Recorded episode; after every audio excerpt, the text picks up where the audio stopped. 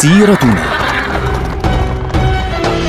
مع الدكتور عبد الله معروف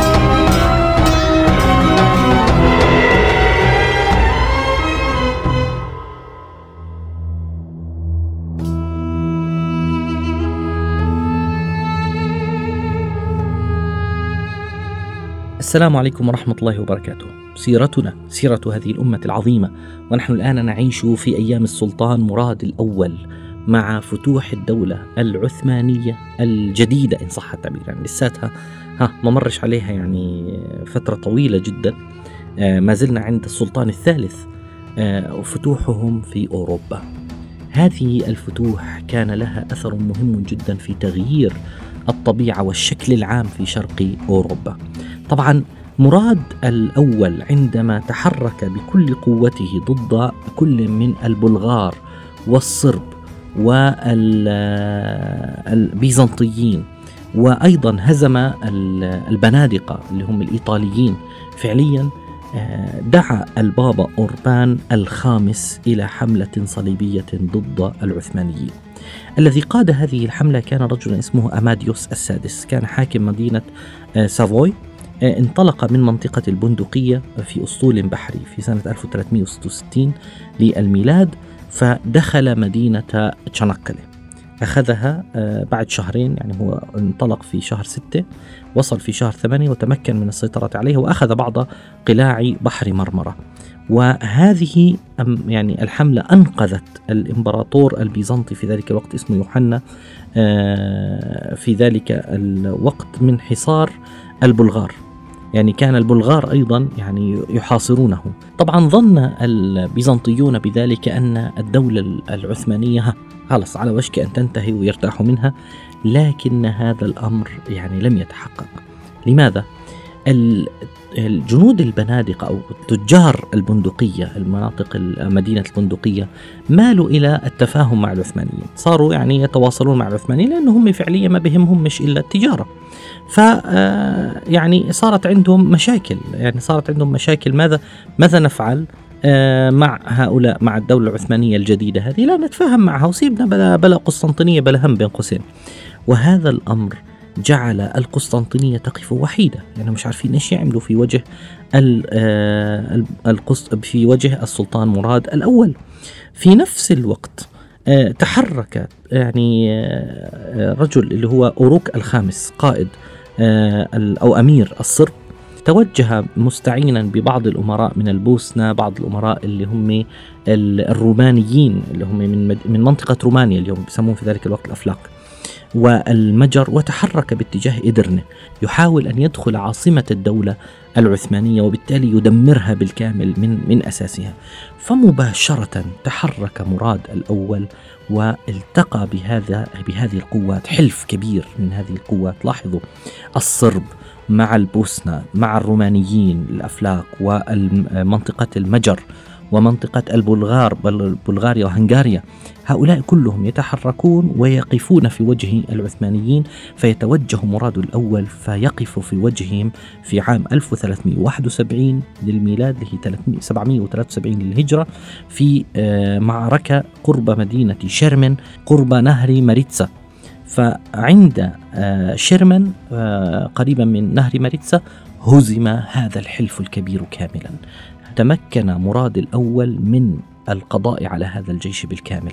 طبعا العثمانيون إيش بيسموا هذه المعركة؟ بيسموها الطريق إلى الصرب. ليه؟ لأنه هذه المعركة بعد معركة شيرمان هذه عند ماريتسا تمكن العثمانيون من فتح الطريق باتجاه مقدونيا بالكامل. تمكنوا من دخول مقدونيا وأخذها من يد الصرب. طبعا الإمبراطور البيزنطي لما رأى إن كل هذه الأحلاف فشلت في وجه مراد الأول يعني صدم صدمة كبيرة.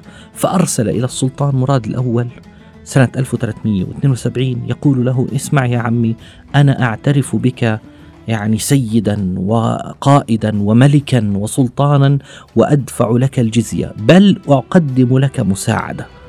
ف يعني معلش فقط نتفق خلص على وضع الحرب بيننا. في نفس الوقت كان ابن مراد الأول بسموه آه، سووجي شلبي. هذا آه، حدا يعني حاول أن ينقلب على والده وبالتالي كانت من مصلحة مراد الأول أنه يعني يتفق فعلا مع الإمبراطور البيزنطي على ذلك. فاتفق معه بالفعل وطبعا سووجي هذا فشلت ثورته فشلت انقلابه وقتل. والبيزنطي الإمبراطور البيزنطي بعد هذا الاتفاق صار للسلطان مراد الأول سيطرة كبيرة جدا على هذه الدولة على الدولة البيزنطية. لاحظوا إحنا في حلقة ماضية ذكرنا إنه آه، والد مراد الأول اللي هو أرهان كان قد أصبح يتدخل في الشؤون الداخلية. إن صح التعبير للدولة البيزنطية. يقول لهم والله افعلوا كذا لا تفعلوا كذا. أنا مع فلان أنا ضد فلان. أنا أعطيك جيشا أساعدك. أنا لا أعطي فلان أنا كذا. مراد الأول صار يتدخل بكل, بكل معنى الكلمة. بكل معنى الكلمة في شؤون الحكم. بالعكس صار يعني مراد الأول يساعد بعض البيزنطيين على بعضهم الآخر. يعني في على سبيل المثال على سبيل المثال.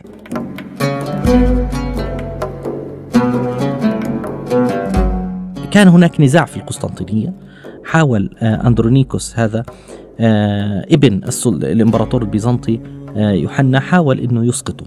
تماما فمباشرة مباشرة أرسل إلى السلطان مراد الأول يقول له لو سمحت ساعدني على إني أنقلب على والدي. فمراد الأول نظر قال هذا أفضل لنا من من والده. فبالتالي ساعده. أعطاه قوة عسكرية تمكن فيها من أن يدخل القسطنطينية. وبالتالي أصبح للعثمانيين رجل كاملة في القسطنطينية دائمة وأصبح الإمبراطور البيزنطي هو الذي يتبع للسلطان مراد الأول. سبحان الله يعني صار الإمبراطور البيزنطي تابع للسلطان فصار لما بده يتحرك يعني بأي شيء بأي شيء مباشرة آه، يطلب الإذن من السلطان مراد الأول. ف بعد ذلك بعد أن يعني حدث يعني هذا الحدث الكبير الإمبراطور فر طبعا وعبر باتجاه مراد الأول وعقد معه اتفاقية أخرى فمراد الأول قال له أنا بساعدك على ابنك كمان يعني لاحظوا ساعد الابن على والده بعدين ساعد الأب على ابنه يريد أن يفتتهم يشتتهم تماما وهذا الذي حدث. بالعكس يوحنا الخامس قال له اسمع أنا أعطيك جزية سنوية أقدم لك مساعدات العسكرية أعطيك آخر ما بقي لدينا في منطقة الأناضول. كانت يعني قطعة صغيرة اللي هي فيلادلفيا. قال له أعطيك إياها تماما وفعلا هذا الذي حدث. ففتتت الدولة البيزنطية بالكامل بهذا العمل العمل للسلطان مراد الأول. لاحظوا كيف مراد الأول عمل هذا الكلام بهذه الطريقة. العميقة والذكية والسياسية المهمة. لذلك العثمانيين يعني في ذلك الوقت لم يكونوا بسيطين في السياسة. كانوا يعني حقيقة مراد الأول ووالده أرخان كانوا دهاقنة في السياسة الدولية. طبعا آه، مراد الأول استغل هذه الأوضاع المهمة الصعبة التي وصلت إليها الدولة البيزنطية ومنطقة البلقان بالكامل فتوجه إلى آه، صوفيا. عاصمة بلغاريا اليوم.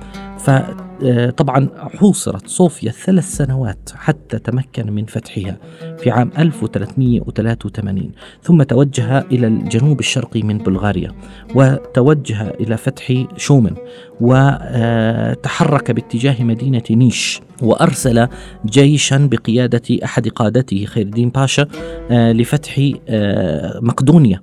آه، وفتحت أيضا سالونيك وأجبر ملك البلغار على أنه يفر وسبحان الله العظيم ويهزم بعد ذلك. وبالتالي فتحت نصف آه، بلاد البلغار بلغاريا بالكامل. ثم اعترف بالملك بلغاريا حاكما على المنطقة على القسم الثاني. ولذلك صارت منطقة الصرب فعليا صارت يعني خلص في مواجهة مباشرة تماما مع آه، السلطان مراد الأول مع العثمانيين. وهنا تابع العثمانيون تحركهم ليلتقوا بجيش الصرب والبوسنة فعليا في منطقة كوسوفا.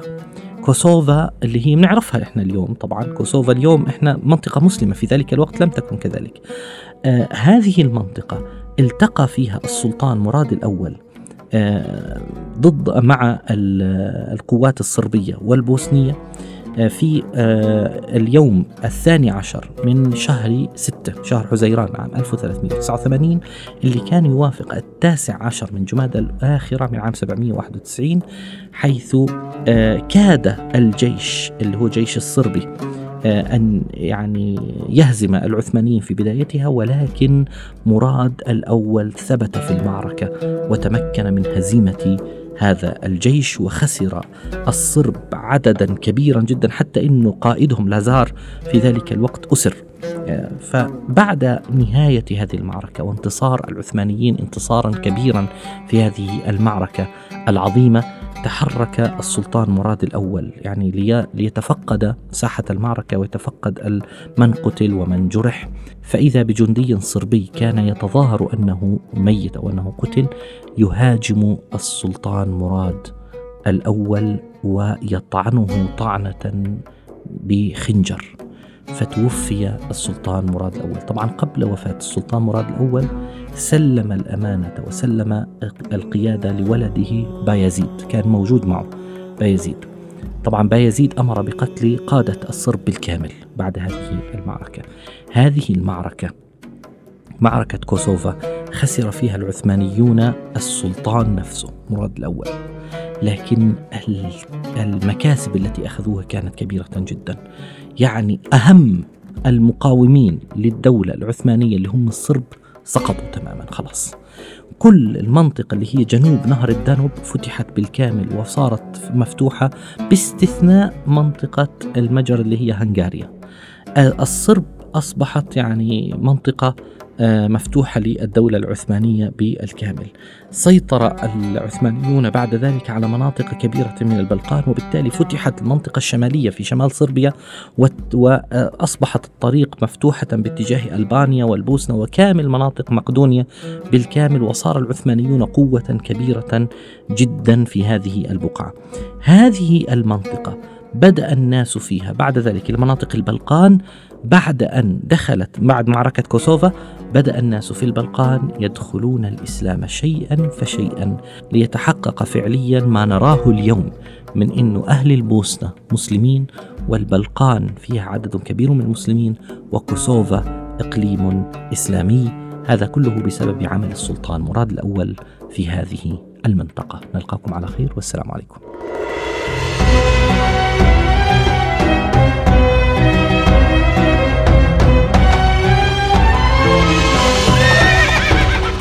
سيرتنا